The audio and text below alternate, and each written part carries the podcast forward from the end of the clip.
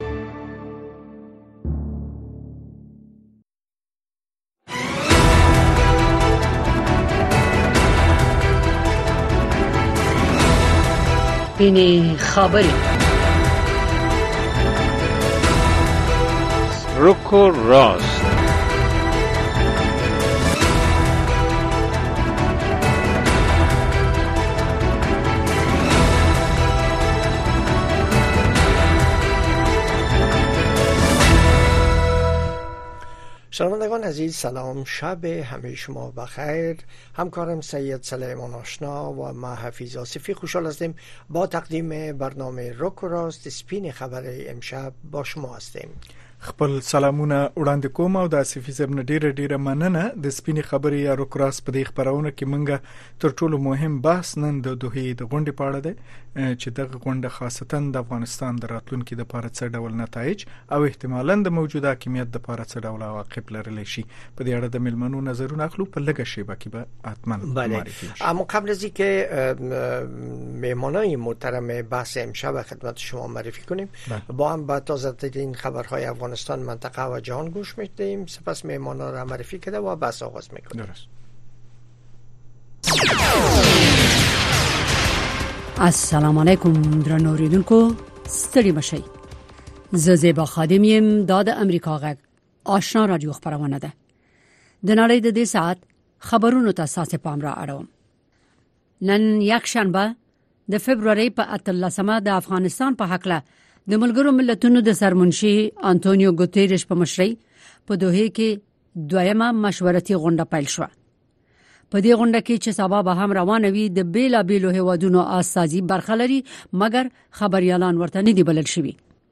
د قطر د بارنیو چارو د وزارت د معلوماتو لمخې د قریب 28 هوادونو او سازمانونو اساسي د غونډې ته ورغلي دي د افغانستان د ځینو مطبوعاتي راپورټونو په اساس د مدني ټولنو د فعالانو په اساسیتوب لطف الله نجفي زاده د خزو د حقوقو د مبارزانو په اساسیتوب محبوبه سراج میترا مهران او شاګل رضایی په دې غونډه کې ګډون کوي که څه هم په دې غونډه کې طالبانو ته د ګډون بلنه ورکړ شوې و خو د طالبانو د بارانیو چارو وزارت د فبرवरी په 18مه اعلامیه خبره کړه او وی ویل چې د دوه په غونډه کې د دوی ګډون ګټور ونه بلل شو د دوه پر روانه غونډه کې به د نورو مسایلو ترڅنګ د افغانستان د لپاره د ملګرو ملتونو د یو نوي ځانګړي استاذي په ګمارنه هم بحث وشي چې طالبانو ورسره مخالفت څرګند کړی دی د دولسو هوادونو د بارنیو چارو وزیرانو د منشن د امنیتي کانفرنس په سنډه کې په ګډه اعلامیه کې ویلي دي چې طالبان په ټوله نړۍ کې د سخت ډارونکو بشري وضعیت مسؤل دي او ویلي دي چې په افغانستان کې د عامه ژوندانه د خزو ګوښه کول د دې هواد آینده په خطر کې اچوي په دغه اعلامیه کې ویل شوی دی چې موږ په اوسنیو حاکمو چارواکو باندې غږ کوو چې نړیوال قوانین په خاص ډول د بشري حقوقو رعایت وکړي د قومي او مذهبي اقلیتونو په شمول د ټولو افغانانو د اساسي حقوقو حفاظت وکړي او ټول هغه پریکړې چې د خزو او جنکو اساسي حقوق محدودوي او په ټوله نړۍ کې هیڅ ساري نه لري هغه لغوه کړي افغان سوداګر په پا پاکستان کې د راتلونکي منتخب حکومت نه هیله لري چې د افغانستان او پاکستان ترمنځ د تجارتي ستونزو د حل لار ومومي په پیښور کې یو افغان سوداګر حاجی فضل الرحمن امریکا غږ سره په مرکه کې ویلي دي چې ټول هغه تجاران چې افغانستان او پاکستان ته مالونه وړي راوړي زیات خپه دي ځکه چې په تیر څو میاشتو کې ورته زخ ډیر مالی زیانونه وراوښتي دي د پاکستان په انتخاباتو کې د پراخو درغلیو د ادعاونه یو هفته وروسته یو جګپوړي چارواکي د فبرवरी په 18 مو ویل چې په انتخاباتو کې درغلي کړې ده په راولپنډۍ کې چې د پاوز مرکزی دفتر پکې دی د خار کمشنر لیاقت علي چټا ویلي دي چې د درغلیو لکبله اوس ځان پولیسو تسپاري د درغلیو پراخې ادعاوې هغه وخت شوې چې چارواکو د انتخاباتو په ورځ په ملک کې د ګرځنده ټلیفونونو شبکه بند کړه او د رایو شمیرلو د سلیری رشتو ساعتونو نه زیات وخت ونیو د پاوس په ملاتړ د پاکستان مسلم لیگ نواز ګوند چې په انتخاباتو کې اکثریت ترلاسه نشو کړی د راتلونکي حکومت جوړولو لپاره د پاکستان د پیپلز پارټۍ سره د ائتلاف اعلان کړی دی لیاقت علي چټاو ویل د دندې د ګوخه کېدو نه مخکې د پخپل پرول پندې کې د رایو د درغلیو څارنه کوله خاغلی چټا خبريالانو ته ویل چې موږ بایلون کې کاندیدان ګټون کې اعلان کړل د سیمه او نړۍ خبرونه د امریکا غږ د آشنا رادیو د واشنگټن د استودیو نه اوري د سعودي عربستان د بارنیو چارو وزیر شاهزاده فیصل بن فرحان د فبرवरी په ولسمه ویلي دي چې په منځني ختیځ کې د سولې او ثبات په لوري د ګام اخیستو یوازنۍ لار د فلسطیني دولت ایجادول دي د خبر تفصیل ته تاسو پام را اړوم شاهزاده فیصل دغه خبره د مونشن د امنیتي کنفرانس په څنډه کې د یوې پوښتنې په ځواب کې وکړه هغه د اسرایل سره د اړیکو د عادي کولو په اړه کې وویل سعودي عربستان اوس د غزې په جګړه کې د اوربند په ټینګښت کار کوي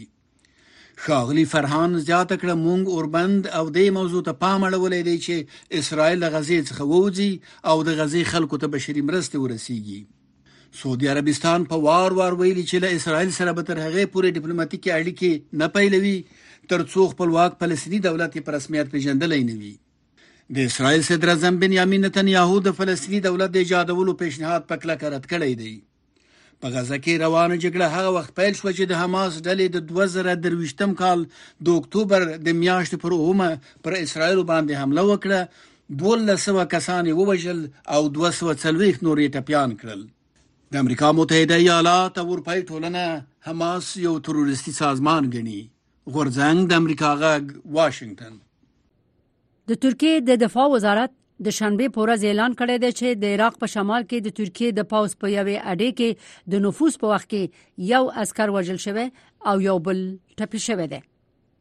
د فرانسې د خبري اژانس د راپورټ په اساس د ترکیه یو خصوصي تلویزیون د دفاع د وزارت په حواله راپورټ ورکړی دی چې په پوځي اډې دا حمله د کوردستان د کارګر ګوند کړې چې غربي متحدان تروریستي سازمان ګڼي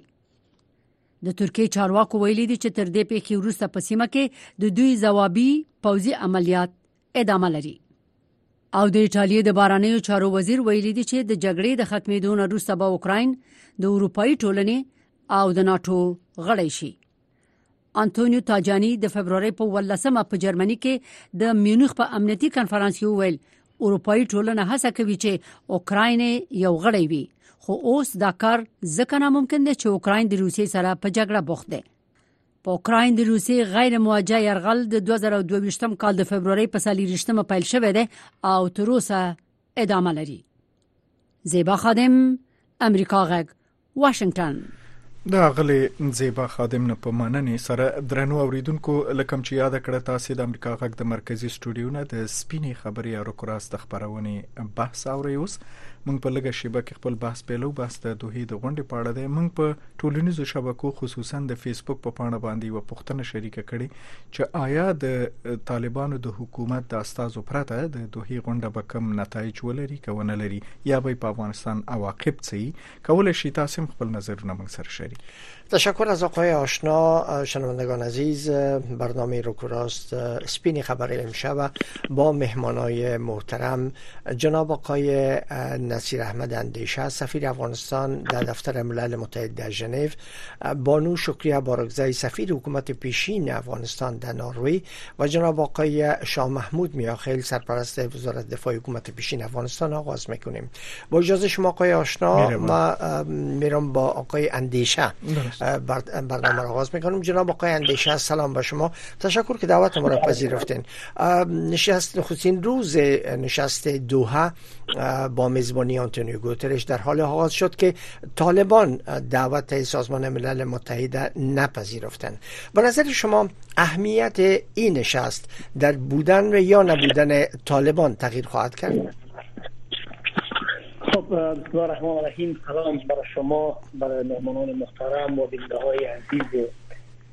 رادیوی آشنا خب اصل هدف نشست دوحه اما تطبیق قدرنامه اخیر شورای امنیت سازمان ملل متحد است 27 26 فکر میکنم که بعد از ارائه گزارش همان کننده ویژه ای تصویب میشه و دو سه موردی را که ای قطعنامه تصویب میکنه باید این شخص سرش بحث میشد در نظر سرنوشی سازمان ملل متحد که یکیش بحث روی تعیین امی نماینده ویژه در امور صلح افغانستان و با مذاکرات سیاسی خود بود و یکی دیگهش هم ایجاد گروه تماس بینالمللی و منطقوی در حاشیه از این بحث ها یعنی خود دعوت از طالب ها به این بحث شامل آجندای ابتدایی نبود و همچنان شامل قطعنامه نبود به خاطر از که این قضیه باید امو یک مقدار همه شمولتر می بود و امو استیکولدرهای اصلی در این مرحله هم داخل می بودن مثل طالب ها و اطراف دیگه قضیه سیاسی افغانستان دعوت صورت گرفته بود نه از طرف سرموشی بلکه از طرف نمایندگی ملل متحد در کابل یونما خب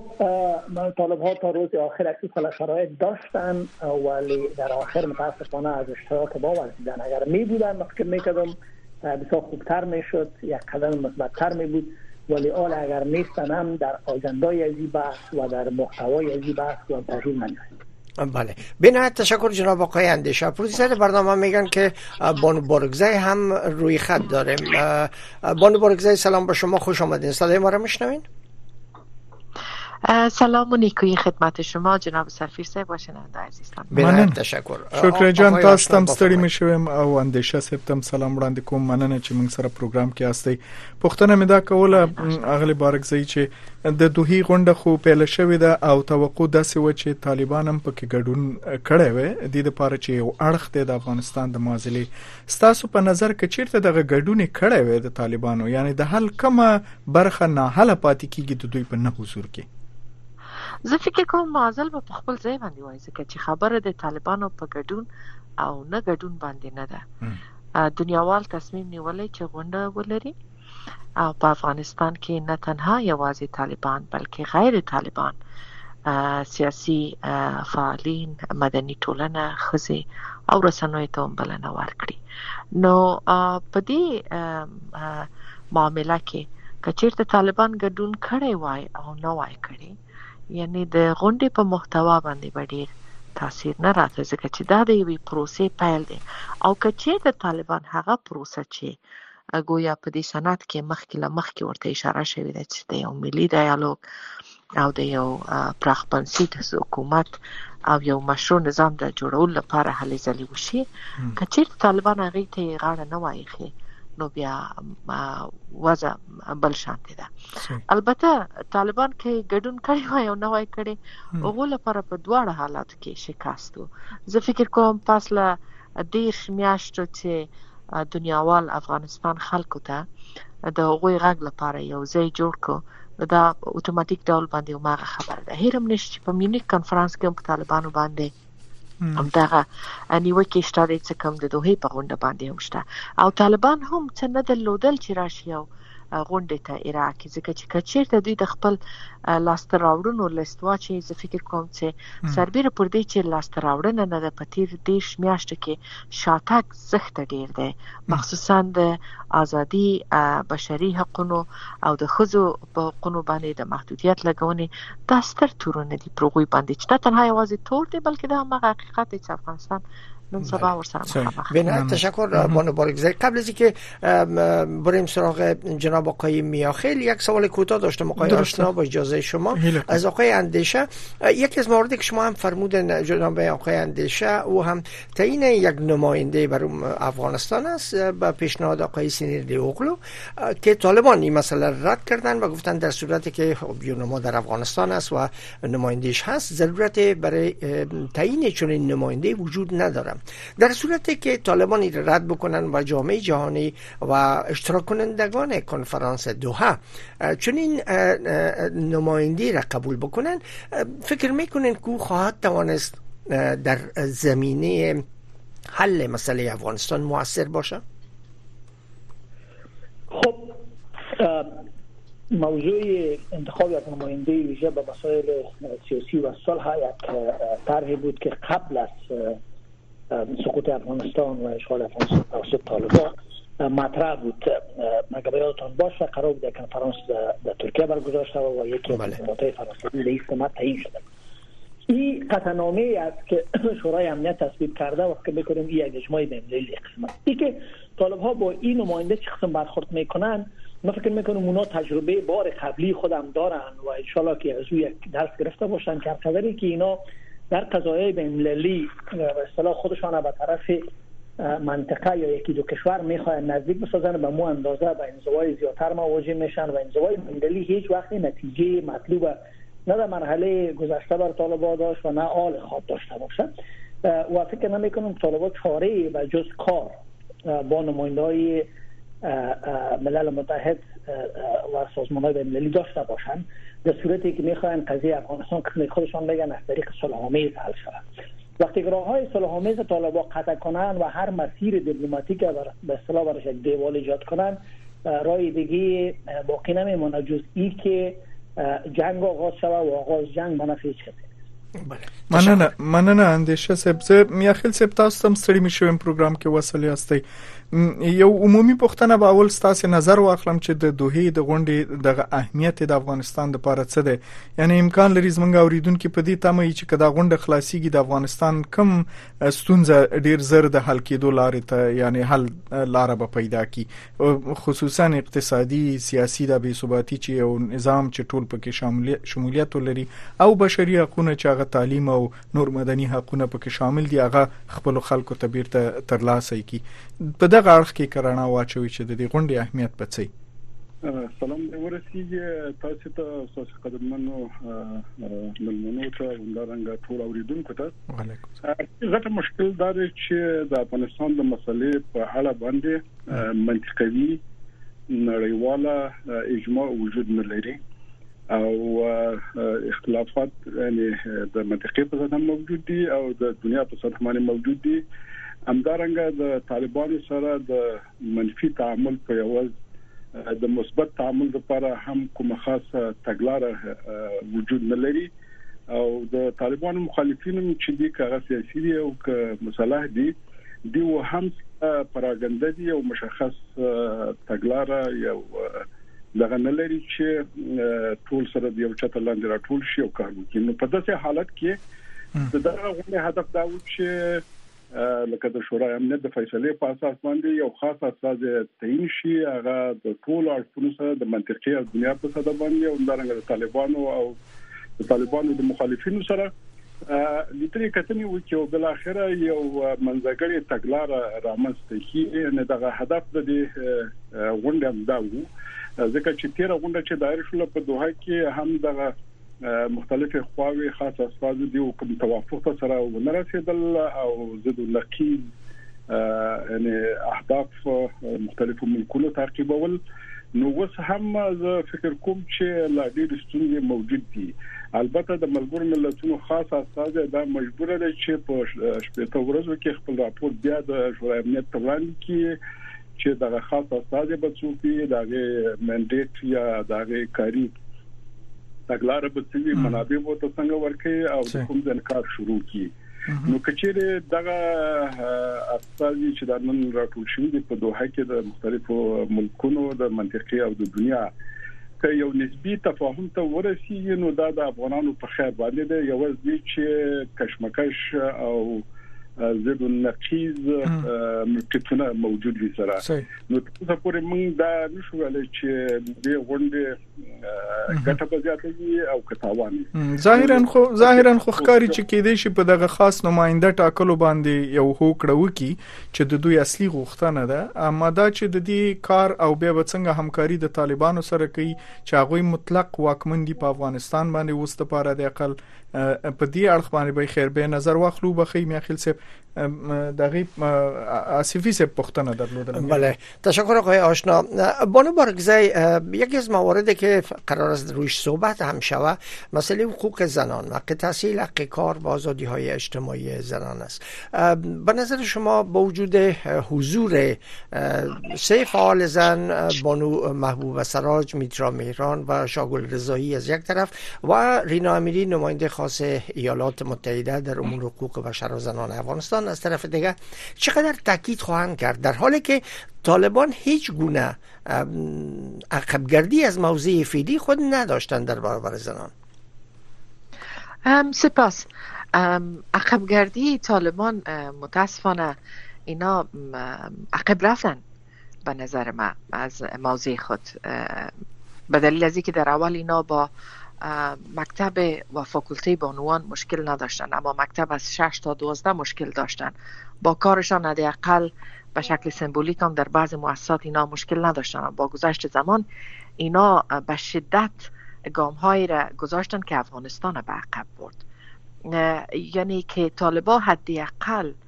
اما سیاستی که از روی مسلحت در اوایل سال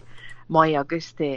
دو ببخشید بعد از 15 آگست 2021 داشتن نتونستن اما موقف خود حفظ کنن در برابر زنان حضور شاگل جان میترا جان و بانو سراج و مالندار از روینا جان امیری همه از اینا دیدگاهشان در رابطه با وضعیت زنان مشخص است دهی جامعه نیست که زنان به شکل که طالبان طور سیستماتیک بر حذفش کوشش کرد و بالاخره به اون هدف خود رسید سیاست او جامعه در برابر یک نیمه از او جامعه به این حد و به این شدت تبیز آمیز باشه در کنار از این من فکر میکنم که زنان افغانستان امروز یک چالش بزرگ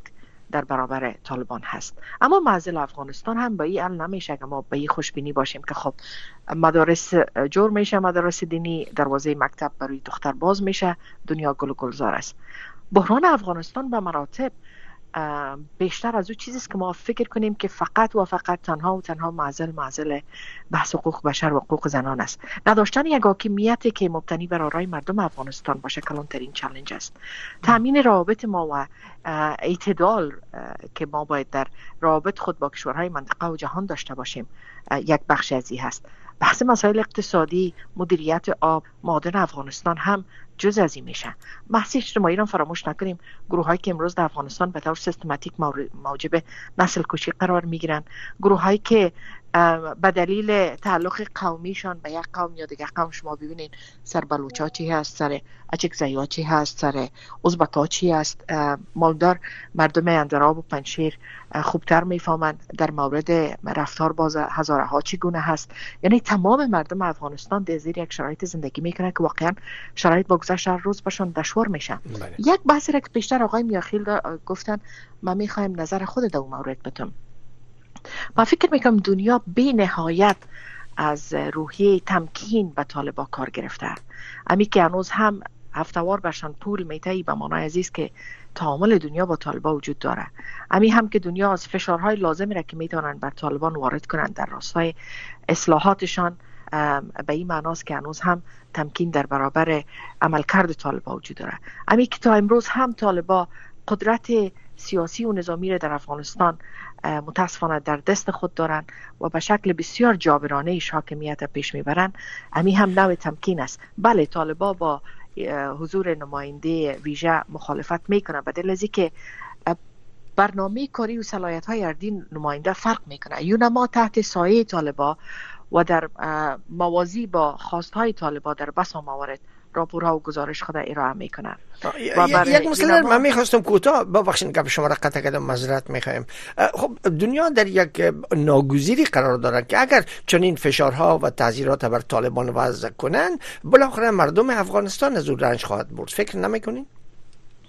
ما فکر میکنم دنیا در ناگزیری نیست مردم افغانستان اینا برعکس در ناگزیری قرار دادن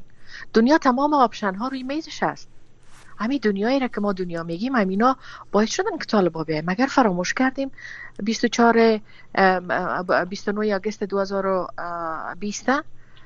یعنی لاحقل امروز آنچه که افغانستان بهش مواجه هست هزینه هست که دنیا التفات بله، به مردم افغانستان نداشته اما در مورد صلاحیتی که نماینده ویژه بعد از که انتخاب میشه مسئولیت از اونا در کنار از اینکه ایجاد امانگی برای کشورهای منطقه و کشورهای جهان است مسئولیتش به سازمان ملل متحد است ایجاد امانگی و ایجاد فضا برای بحث گفتمان ملی بین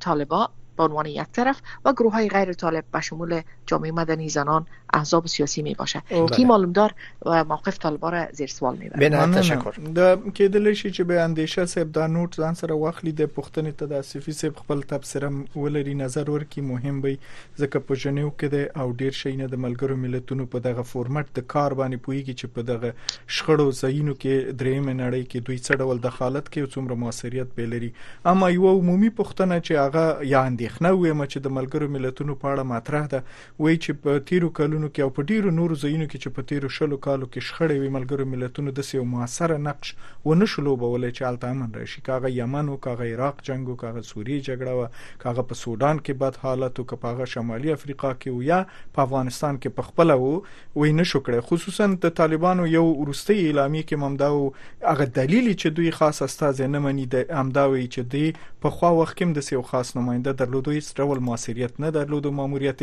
نو غیر د دینه چې د مذاکره یا د بحث لپاره یو بل شوبه پرانستلی د یوناما دفتر باید فعال یو هم دې سره خبري وشي میاخیل صاحب تاسو چون د د جمهوریت د رسمي وظایفو ترڅنګ تاسو د امریکا د سولې د انسټیټیوټ د خوانم د سولې او د پخلاینې لپاره په افغانستان کې ډیر کار کړی دی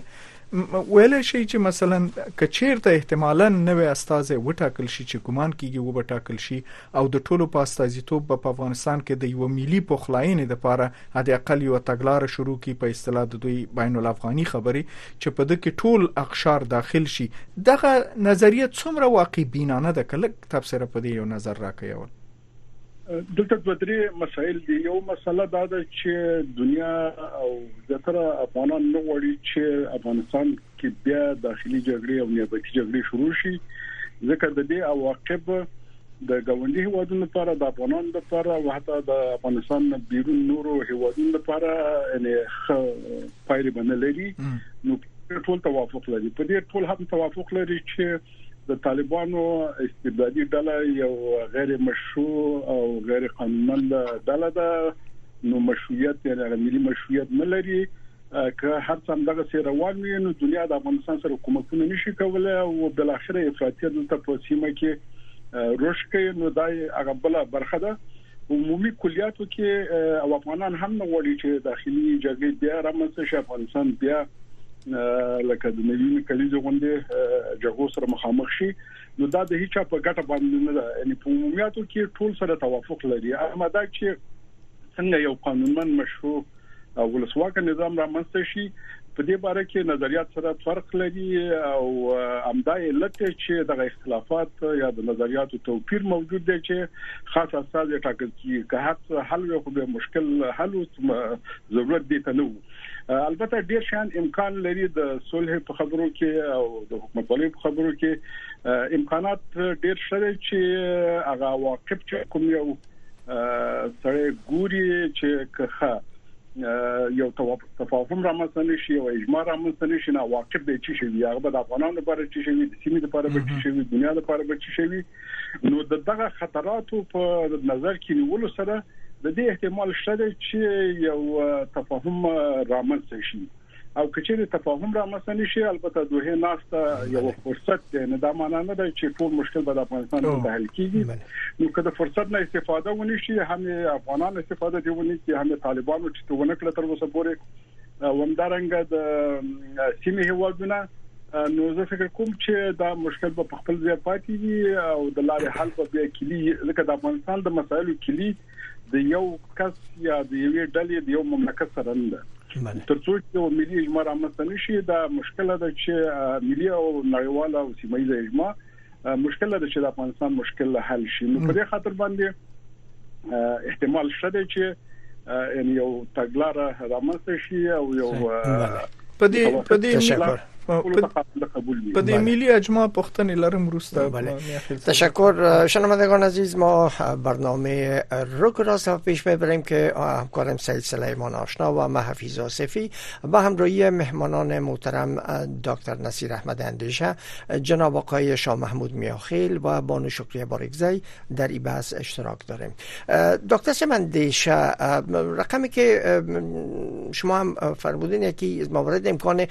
خب تعیین یک نماینده باشم جیمز کننگهم هم سفیر پیشین ایالات متحده در افغانستان چند فقط ساعت پیش در برادی آشنا صدای امریکا گفت که در صورتی که طالبان ایران نپذیرن و خب چنین نماینده تعیین شود طبیعی است که کار از او با محدودیت های همراه خواهد بود به نظر شما چقدر میتونه چنین یک نماینده برای بنبست مسئله افغانستان یک رای حل موثر پیشنهاد بکنه و به نظر شما آیا چنین یک نماینده میتونه با عنوان مثل آقای بننسوان یا لخدر براهیمی در امور افغانستان موثر باشه دکتر سبندشه بله گفتم باشد گفتم فلسفه تعیین نماینده ای است که ساختار فعلی افغانستان که اونمو حکومت دیفکتوی طالبا هست یک ساختمان مشروع یک, یک ساختار مشروع و دوامدار برای کشور برای, برای اداره کردن یک ملت مثل افغانستان نیست به این اساس باید که این از امو رای از راه های سیاسی توسط یک میانجیگر بینالمللی که از طرف سازمان ملل متحد و امو پنج عضو دائمی تعیین شده باشه اما مسیر صلح سازی بینالمللی فعلا در مدام ساختار بینالملل همی است هیچ کامرای چاره دیگه وجود نداره کشوران نماینده خاص خودشان در امور می داشته باشه مثلا امریکایی ها در مسائل صلح بعضی کشوران نماینده داشتند در ایرلند و نمیفهم در جای مختلف عراق اینجا ولی مشکل دیگه چی است مشکل اساسی کمی امیختر که برای نیست که دیدگاه جهانی که گویا طالب ها آمدن که کشور گرفتن اما انحصار قدرت نظامی را فعلا به دست دارن و اینا را از یک موقف بسیار به اصطلاح خوب در مذاکرات چیز میسازند حائز میسازند چیزی که در مقابل جهان از پیششان گرفته و ندارن و او را به عیسی و اصطلاح چون یک مذاکره همیشه داد و ستد می باشه مذاکره طرف متفاوت می باشه و اطراف لاعقل در, در گرد میز وقتی که میشینن باید که همون دستاویز ها و پشتیبانه ها داشته باشن پشتیبانه طالب ها اگر انحصارشان بالای قدرت فیزیکی در مملکت است انحصار جهان و نیروهای فعال سیاسی افغانستان بحث مشروعیت داخلی و مشروعیت بینالمللی خواهد بود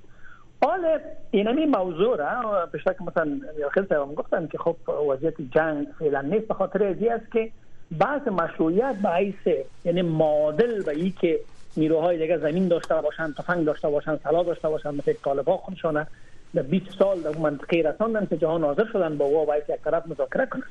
حال طالبان یه وزی کزی یک درس میگیرن بگوین که خب ببینین در ای بعض درست است که ما انحصار قدرت نظامی را فعلا داریم ولی به خاطر مشروعیت باید با اطراف قضیه افغانستان و با جهان بیرونی مذاکره کنیم تنها بحث جهان بیرونی نیست در اینجا نقطه اساسی آخر مذاکره بین خود افغان ها است به این اساس طالب ها نمیپذیرند طالب ها میگن که اول شما ما را برای مشروعیت بشناسیم چون تعیین نماینده خودش خود به خود نشان میده که مشروعیت از اینا هنوز رایش بسیار دور است به اون خاطر است اونا هم با تعیین نماینده با فلسفه تعیین نماینده مخالفت میکنن و هم با فلسفه آغاز پروسه سیاسی این امو بگپ آقای مشرف است که وقت گفته بود که سر خواهد از زیر امو چیز کردن است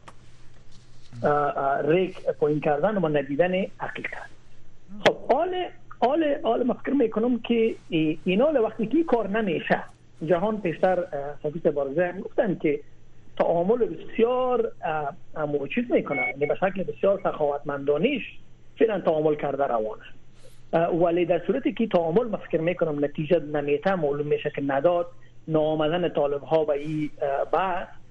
ما فکر میکنم که جهان خصوصا کشورهای اروپایی را به یک مسیر متفاوت سوق میته و این مسیر متفاوتی است که در مذاکرات در مذاکرات شما باید همو کر و تا استیک ها شما باید داد و ستد لاقل در یک توازن برسانیم که اطراف قضیه در گرد میز جمع شد و طالبای ربسه خودشان چندین بار امی رهبرایش کماندانایش از طریق تلویزیون از طریق تلویزیون افغانستان بسیار واضح گفتن که عالما چرا کسی کسی مذاکره بکنیم یا برای ما کدام جای افغانستان پیششان است اینا کدام سیستم دارن کدام چیز دارن که ما بریم به خاطر از امرشان مذاکره بکنیم خب اونجا هستن بیاین مملکت در گوشه زندگی کنن ما کسان فعلا کار نداریم ولی سرسایه خواهر نکش به فکر میکنم تا این منتالیتی تغییر نکنه حالا این منتالیتی رو جهان میخواه از طریق کمک های و از طریق فشارهای سیاسی حل کنه که من فکر میکنم این اوقدر موثر نخواد بود باید اقدامات بعدی بله. که هم اقدام در شورای حقوق بشر و هم اقدام در شورای امنیت و هم انسجام نیروهای سیاسی افغانستان است قدم بعدی امی باید باشه مننه دا یو تبصره دا سم ډیره قوي مطرح ده د دې غونډې د پیل رئیس نه چې طالبانو د یو اکثریت کنټرول افغانستان ورسره ده او د یوې قوي ډلې په توګه چې په کابل کې حکومت چلی او فرامین صادري او هغه تطبیقي په کارو چې په هر سطح وي یو څوک د غونډې ته لیږل وي ځکه چې د نړۍ ټول استاذ یالته ټول دي او په افغانستان خبرې کیږي نو په کار دا و چې د یو عضویت په کې خپل اخسته وي که په لوړې سطح یعنی ګډون نه کو او دا د دوی یو لوی ناکامي غني چې دای په ډیپلوماټیک او په نړیوال سټیج کې د افغانستان لپاره مهمو دای بل ناکامي و چې وینه شو کړل چې یو نفر د اقلال ته ولېګل شي پر لیول چو دویمه برخه دا د اغلی بارګزی غختل مستاسې نظر په واخلم لږ زره ډیر جندر مسلې ته مطرح ده سره د دې چې تاسو د افغانستان په نمائندګي خبرې موږ سره کوي یو تر ټولو لوی موضوع چې دغه د بشري حقوقو ده او ترڅنګ د مدني حقوقو ده چې ټول غواړي د افغانستان د اساسي قانون چې د جمهوریت په وخت کې دغه په چوکاټ کې بیرته عاده شي چې په هغه کې د ټولو حقوق معلوم دی او یو متوازنه سطح پکې په پام کې نیول شوی اوس انتقاد دا دی چې دوی تعلیم ته اجازه نه ورکوي په افغانستان کې محصلین اجازه نه لري درس عالی تحصیلاتو کې او یو قشر د خزي قشر یعنی چې نیمه ټولنه د ټوله منځوي شوې ده د ټولنې نه تقریبا او دا د افغانستان لپاره په مجموع کې ټول نقص دی ټول ولس ته چې یو لوی ظرفیت هغه منځوي ساتل کیږي که چیرته دا ډول یو څوک فشار په نشي راوړل او د طالبان هم امدا ډول خپل کړنو ته دوام ورکړي فکر کوي د سیو دریم ګړی څوک شته چې د دغه حقونه بیرته تضمین کی خوندي کی یا د طالبانو په مقابل کې ورسره ودرېږي او دفاع داسې وکړي چې حتمن یو نتیجه ورکی نظر دغه اعلامیو ډیرو عادی او نرمو بیانونو په تناسب باندې مننه زه فکر کوم که چیرته د دنیا مرستې طالبانو سره پر هغه شرایطو باندې بنا وي چې کوم خپل دنیاوان ورته احترام لري نو خامخا به په افغانستان کې د ابتدایي ابتدايي اساسي حقوق د افغانستان د خلکو به حل شي ځکه چې ځکه چې کله ابتدايي حق وایم په هغه کې نه تنها یوازې د تعلیم او تحصیل حق خلکو ته ورکړل کیږي په هغه کې د انتخاباتو حق شته په هغه کې ازادي د بیان شته او په هغه کې ازادي د هغه ټولنیزو تظاهراتو ګډون هم شته چې خلک خپل غږ اوچت کړي تاسو قانون اساسي ته اشاره هم وکړله په هغه قانون اساسي خو د منتخب نظام لپاره او یو چک او بیلانس او پارلمان او حکومت و نن سبا طالبان صرف او صرف هغه برخه د قوانین چې په افغانستان کې جاری ده نن سبا اساسي قانون نشته مګر هغه نور قوانین مثلا د تکس موضوع په عقل باندې مثلا د پاسپورت یا د تابعیت قانون مثلا د مالیاتو قوانین مثلا د ترافیک په قوانین د همغه قوانین څخه دوی ګټه اخلي مګر هغه مور د هغه قوانین چې اساسي قانونو هغه ته شاکړله د جندر موضوع یا د افغانستان کې دغه د اوسنۍ وضعیت د افغانستان میرمنو زه فکر کوم چې سربیره پر دې زه خو دې ته سخته لیوالتیا لرم چې په افغانستان کې د فرهنګ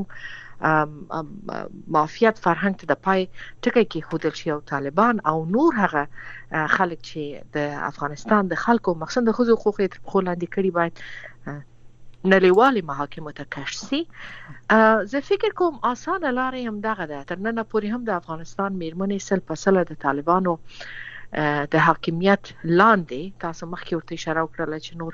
طالبان بل هیڅ دښمن ځان سره نه لري په هر کور کې هر هغه جنۍ چې مکتب نه پاتې ده او عقده منده ده د طالب دښمن دی دوست یې نه دی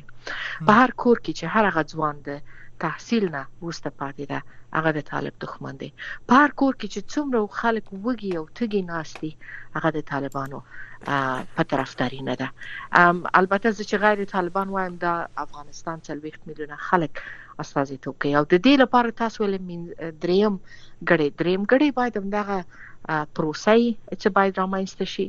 او دریمګړی باید همدغه نړیوال ټولنه یی چه په واضح شرایطو باندی دوی طالبانو سره مرسته وکړي او دریمګړی بیرته به د افغانستان هغه خاموش اکثریت یی چه تر ننه پوری خپل غږ نه دی اوچت کړی خپل کرکه یی ښودلی ده د افغانستان باندی ځی پاسپورت تذکره دا شیان اخلی تاسو وینی چی په خپله پوهیږی چی څومره وضعیت دی په افغانستان کی خو راپورونه یی ورکوو ډیر راسیږی اغلی بارکزی بلکل دا انتقاد هم په دی او تعداد د دی تقاضا هم بیخی لوړ شوی اجازه راکړی چون وخت لږ کم زه غواړم میاخیل صاحب نه یو لنډه پوښتنه وکړم آصفی صاحب په اجازه البته تاسو یو ډیر مهم ټکی دا ذکر کو تقریبا درې واړه ملمانه دسی ښکاری چی ذهني یا د اقل تاسو دا معنی چې طالبان یوازنی حاکمیت دی په افغانستان کې او دوی چې هرڅه خوخه دا غسی کوي پښتنه هم د غزي کې پیدا کیږي چې دا طالبانو قوت په دې کې څه شی دی چې ټول نړۍ نه منځوي ده افغانان هم اکثریت نه مني تاسو تر ټولو مدني حقوقو پورې خلک ذکر کړ چې مدافعین ورسره مخالفت کړي مګر دوی بیا هم کولای شي چې حکومتداري وکړي مالیات ټول کړي ادارې وچلي او جهان ته مختارونه ورکي او لوی لوی د ملګرو ملتونو د منشي په سطح باندې یوې غونډې ته چې بلنه ورکړي کیږي ډیر په جرأت ورته چې موږ نه درځو تاسو غلط کار کوي د دوی د قوت په څه شي کې د میاخیل صاحب چې دوی ځان فقط یک چیز میخواستم تذکر بدم آقای آشنا ده دقیقه به ختم برنامه مانده به هر میمان محترم فقط سه دقیقه وقت میتیم که فرصت بر همه باشه بفرمایید آقای میاخیل مننه تاسو ګوري چې د افغانستان کې متاسفانه چې هم طالبانو په تیره دوره کې هم په دې دوره کې او هم نور حکومتونو بعضی وخت کې غلطه محاسبه وکي او غلطه محاسبه په دې معنی معنی چې دوی فکر کوي چې دنیا موږ ته ضرورت لري افغانستان ته ضرورت لري نو په دې خاطر باندې یو داسې موقف اختیار کړي چې هغه د دنیا او د خپل ولس سره په ټکر کې وي او نتیجه دا شي چې بیا افغانستان یو جنگونو او مشکلات سره مخامخ شي طالبانو تیر محاسبه هم دا و چې کله چې بن لادن نو ورکوو دا غینه مخکې چې کله د بن لادن په ضد باندې د امریکای حکومت توغندي استعمال کړل او بیا وروسته د سپتمبر 11 مسله راغله نو دیو فکر کوي چې امریکا بران شي یا موږ باندې ورکو سره نو نتیجه ماغه و چې امریکا راغله افغانستان ته هلته طالبان یې د منځه ویوړل طالبان اوس هم د فکر کوي چې د تیر ځل نه موږ اوس قوي او زیات د دنیا تم شکست ورکړی دی او دنیا موږ ته ضرورت لري موږ دنیا ته ضرورت نه لرو نو په دغه محاسبه کې بیا سره افغانستان دومره قوي نه دی او دومره مهم هم نه دی نو بل اخر خپل دغه د لاس ورکړي نو دا یو غلطه محاسبه ده زما په نس باندې رالو د ټاکس ټولول او د نور شین چې دینو د طالبانو لپاره خو یو نظام او سیستم پاتې شو دا سیستمونه ټول هغه وخت کې فعال وو او سماغه نه استفاده کوي اما د مقابل کې به خدمات نشته د دنیا وسم تقریبا د ورسته راپور د طالبانو سقوط نه وروسته د علني چې ورکړ شوی 3 میلیارډ ډالر افغانستان ته ورکړ شوی دي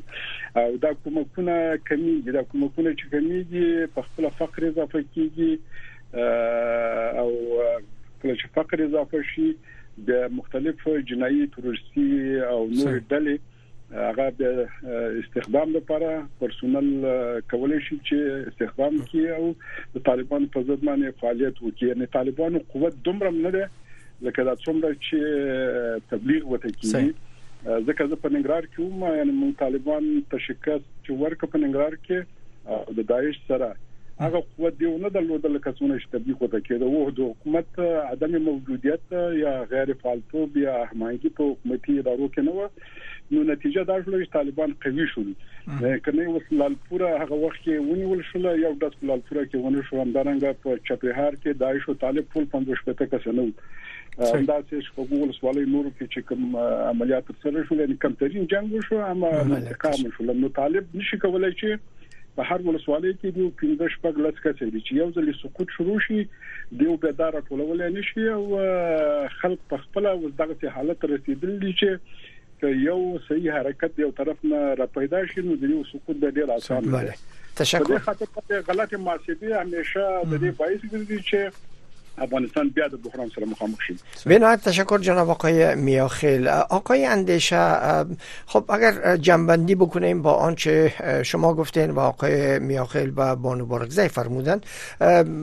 این نشست دوها پس از نشست های گروه تماس در کابل و نشست بشکک در قرقزستان راه اندازی میشه فکر میکنین در این نشست یک اجماع بین المللی یک اجماع یک فکری متحد در مورد افغانستان آهسته آهسته راه اندازی شده و نتیجه موثر بر افغانستان خواهد داشت بفرمایید خب در در مقایسه با نشستایی که شما یاد کردیم در مقایسه با هر نشست دیگه که ارتباط افغانستان صورت گرفته تا امروز بعد از سقوط افغانستان ممکن میکنه این نشست یکی از شاید مهمترین نشست های سیاسی باشه نظر به ماموریتی که ای داره از طرف شورای امنیت و ای که سرمشی سازمان ملل متحد با وجود تمام جنجال های که در جهان وجود داره میای و این نشست خودش رهبری میکنه فکر میکنم این بلندترین اهمیت داره ولی ای که آیا ای به کدام طرف ما را میبره ما یک کمی چیستر بودم امیدوار بودم ولی با آمدن طالبا ما فکر میکنم که یک در تیوری یک فکر ما داشتم که بر طالبان همون بزرگترین شکستشان شکستشان در سیاست خارجی و دیپلماسی هست من پیش بینی میکردم ولی فکر کردم که حال دقیقا به مو طرف روان هستند چون در دیپلماسی ما یک اصطلاح داریم وقتی که شما در گرد میز نباشین در مینو می باشین یعنی شما را میخورن و امروز طالب ها با نامدنشان خودشان در مینو قرار دادن نماینده ایران نماینده روسیه نماینده پاکستان و نمایندگی از اونا صحبت میکنن و تصمیم میگیرن پس به این اساس ما, ما فکر میکنم که این کدام تحول بسیار بزرگی را نخواد بیاره ولی متاسفانه زمینی جکره و زمینی مداد و ستود منطقی و مللی زیاد میکنه و در اینجا موفق ترین گروهی که از جلسات خواد برآمدن اما نماینده چهارای منطقه خواد بودن جهان غرب در مقابل طالبان وقتی زیاد میشه و به او ترتیب مقدشان در مقابل مردم افغانستان کمکهای بینالمللی احتمالا کم شوه فشارهای حقوق بشری بالای طالبها زیادتر شوه و این طالبها را مشخصا در دست منطقه قرار میده و اعلامی هم طالبها دادن در اخیرش یک رفرنس به کشورهای منطقه دادن که گویا منطقه در قسمت مسائل داخلی ما کدام گپی نداره در حالی که منطقه نه پول میده نه سرمایه گذاری میکنه و نه کدام کار موثر هم در افغانستان پلان داره بله. پس به این اساس یک یک تحول یک ترند یا از این مرحله به او طرف یک تقابل منطقه و فرامنطقه آغاز خود شد که متاسفانه او چیزی را که ما میخواهیم نشه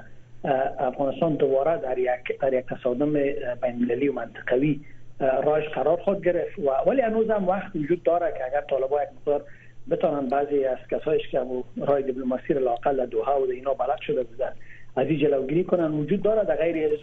وضعیت مردم ما وضعیت انزوای افغانستان دیگه هم بدتر بد شدن به تشکر جناب آقای اندیشه از حضور شما در برنامه تشکر وقت خوش داشته باشین مننه آقای بارکزی یو پښتنه میکوله دو جزء به ولري یو لکزره دیپلوماټیکه پښتنه ده خو چون تاسو په دیپلوماسي دستګاه کې کار کړی کوي وي خصوصا د امریکا د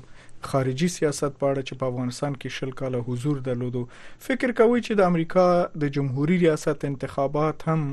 چی را روانه نومبر میاشت کی دی یو تاثیر د افغانستان په وضعیت ولری خصوصا د طالبانو د ډلی په وړاندی چی ګمان کیږی دوی القاعده ته او ترګرو ډلو ته ځای ورکړی او ډیر لکه داعش خراسان او نور او ټی ټی پی یا پاکستانی طالبان او دویم جز دا دی چی که چیرته په همدی جریان کی د ملګرو ملتونو یو خاص استازی وټاکل شی فکر نه کوئ چې د یو خاص استازي په راتګ باندې دا د سیمه ییزو خاصو استازو خصوصي او پټ قراردادونه او معاملې او لیدنې د دغو چې کېدې شي د افغانستان په نفي ډیر تمام نشي د دې مخه ونیسي او یو واحد نړیوال دریز چې هغه د نړیوال منشور سره مساوي او متوازني هغه روخانه بحثونه شروع شي دغه دواړو برخو کې کلک نظر راکې دوه دقیقې وخت لرو فکر کوم دوه نیمه مننه په طبیعي لحاظ باندې د امریکا راتلونکي انتخابات او مخصوصا د دموکراتانو او جمهوري خانو چې پایله یې کوم یو ګټي د افغانستان په موضوع باندې مطلق تاثیر لري ځکه چې دا دوه مختلف سیاسي ګروپونه دوه مختلف نظر لري سربېره پر دې چې دواړه خوا د افغانستان د اوسنۍ وضعیت لپاره هغه خپل مسولیتونه یې سم نه دي ادا کړي مګر مثبت تاثیر به هغه چې دوی نور په افغانستان کې د بحران مخه ونیسي او زه فکر کوم اوسنۍ غونډه هم چې جوړه شوې ده که چیرته امریکا ورته هوکړې نه وای کړې دا غونډې به نه جوړېدل یعنی هغوی هم ساده اوسه غواړي چې هغه خپل راتلونکي سیاست یو قسم ته جوړ کړي چې د اقل راتلونکي انتخابات سر باندې به یو یوه برخه د ګټلو او یا هم بایللو موضوع شي په دویم برخه کې چې تاسو ورته اشاره وکړله چې د ځانګړي استازو رابطه د طالبانو سره د مختلف هیوادونو ځانګړي استازي روابط د طالبانو سره هغه بیله موضوع ده ځینې هیوادونه مستقیم ډول باندې ځي افغانستان ته او طالبانو سره غږیږي او ځینې هیوادونه په دوحه کې د دوی د طالبانو د سیاسي دفتر سره غږیږي یعنی دغه رابطه هم هغه انډوال نه ده ځینې هیوادونه مستقیم افغانستان ته ځي لکه چې څو موده مخکې مخکې د دې کانفرنس نه طالبانو غونډه جوړه کړله او هلته ځینې استازي پکې برخه واخیسته هغه معمولا د سیمې هیوادونه دي یا د افغانستان د گاونډي هیوادونو استازي دوی د تماس د ډلې په نوم چې یادوي بله د تماس ډله ته یې طبیعي خبره ده چې اکثریت یې او تقریبا کېدای شي ټول یې د طالبان نه او هغه مرز چې افغانستان سره لري د هغې نه د امن احساس نه کوي نو دوی وغواړي او نه غواړي مجبور دی د خپل مجبوریت له خاطره په خپل ملک کې د امن د راوستو د خاطره طالبانو سره په تماس کې پاتې شي او پاتې شو له نړۍ د هغوی خبره بیا متفاوته ده مګر اوسنی قراردادونه چې طالبان کوي په نړیواله کچه باندې غیر رسمي قرارداد مننه غلی بارک زی پویګم زمنګ وسانی پاتې دي ډیر ډیر مننه تاسو نه میاخیل صاحب نه وندې بله اثر دی هستی مهمان محترم بان بارک زی آقای میاخیل و جناب آقای اندیشه جان اسپاس که در برنامه با ما بودن توجه کنین با تازه ترین خبرهای افغانستان منطقه و جان با عرض سلام احد عزیزاده هستم از رادیو آشنا صدای امریکا با آخرین اخبار افغانستان منطقه و جهان تا این ساعت امروز در شهر دوها پایتخت قطر نشست در مورد افغانستان با میزبانی سازمان ملل متحد آغاز شده و فردا دوشنبه نیز ادامه مییابد دومین نشست مشورتی درباره افغانستان تحت نظر سازمان ملل متحد در دوحه پایتخت قطر بر اساس قطعنامه 27 شورای امنیت سازمان ملل متحد به میزبانی انتونیو گوتیرش منشی عمومی سازمان ملل متحد برگزار شده است ملل متحد میگوید که در این نشست در مورد چگونگی روی کرده افزایش مشارکت بین المللی به شیوه منسجم هماهنگ و ساختار یافته از جمله از طریق در نظر گرفتن توصیه های ارزیابی مستقل در مورد افغانستان بحث خواهد شد وزارت امور خارجه قطر روز گذشته گفت که نمایندگان 25 تا 28 کشور برای شرکت در نشست دوها دعوت شده اند. این در حالی است که تحلیلگران از نشست دوها به رهبری سازمان ملل متحد به عنوان فرصتی برای گفتگوی سازنده بین حاکمان بلفیل افغانستان و جامعه بین المللی توصیف کرده اند. تدماچی یماماتو نماینده خاص پیشین منشی عمومی سازمان ملل متحد برای افغانستان و رئیس پیشین هیئت معاونت ملل متحد در افغانستان یونما نشست روز یکشنبه را فرصت بزرگ خواند. نیکلاس کی نماینده سابق ملکی ناتو در افغانستان گفته است که امیدوار است در نشست دوها پیشرفتهایی در این زمینه حاصل شود. نشست قبلی دوها در ماه می سال 2023 میلادی به میزبانی انتونیو گوتیرش منشی عمومی سازمان ملل متحد برگزار شد که در آن از حکومت طالبان دعوت نشده بود حکومت طالبان گفته است که در نشست به میزبانی سازمان ملل متحد در دوها پایتخت قطر که با حضور کشورهای عضو نمایندگان ویژه در امور افغانستان و گروه های جامعه مدنی به شمول زنان برگزار شده اشتراک نخواهد کرد. وزارت خارجه حکومت طالبان در اعلامیه‌ای که شامگاه شنبه 17 فوریه در شبکه اکس منتشر شد گفته است که هیئت این گروه تنها در صورتی که به عنوان نماینده رسمی افغانستان پذیرفته شود در این نشست اشتراک خواهد کرد پیش از این سرپرست وزارت خارجه طالبان شرطهای حکومت این گروه را برای اشتراک در نشست سازمان ملل متحد درباره افغانستان در قطر اعلام کرده بود و گفته بود که اگر این شرطها پذیرفته نشود هیئت این گروه در این نشست اشتراک نخواهند کرد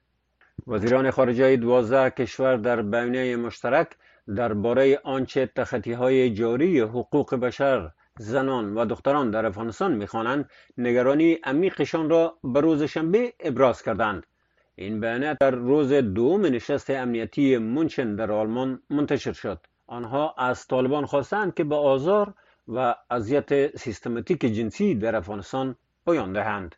شما به اخبار منطقه و جهان از رادیو آشنا صدای امریکا گوش می دهید. وزارت صحت غزه که توسط حماس اداره می شود روز یکشنبه اعلام کرد که در جریان جنگ چندین شبه نظامیان و اسرائیل نزدیک به 29 هزار نفر در خاک فلسطین کشته شده اند. این وزارت در بیانیه افزوده است که در مجموع 127 تن در 24 ساعت گذشته جانشان را از دست داده و نزدیک به 69 هزار تن از زمان وقوع جنگ در هفتم اکتبر بدین سو مجروح شده اند.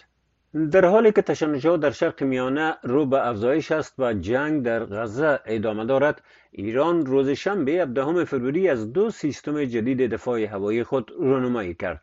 ارنا خبرگزاری رسمی ایران گزارش داده است که سیستم میزایل ضد بلاستیک آرمان و سیستم دفاعی هوایی با ارتفاع پایین آزرخش صبح شنبه در حضور وزیر دفاع ایران رونمایی شد ایران در حالی از تسلیحات جدید دفاعی هوایی خود رونمایی کرده است که نه تنها وضعیت وخیم در شرق میانه تشدید یافته بلکه جنگ میان اسرائیل و گروه حماس که از حمایت تهران برخوردار است وارد پنجمین ماه خود شده است ولادیمیر پوتین رئیس جمهور روسیه در سخنرانی که روز یک شنبه پخش شد گفته است که وقایع در میدان نبرد در اوکراین برای روسیه موضوع مرگ و زندگی است که می تواند سرنوشت آن را تعیین کند جزیات بیشتر از حفیظ آصفی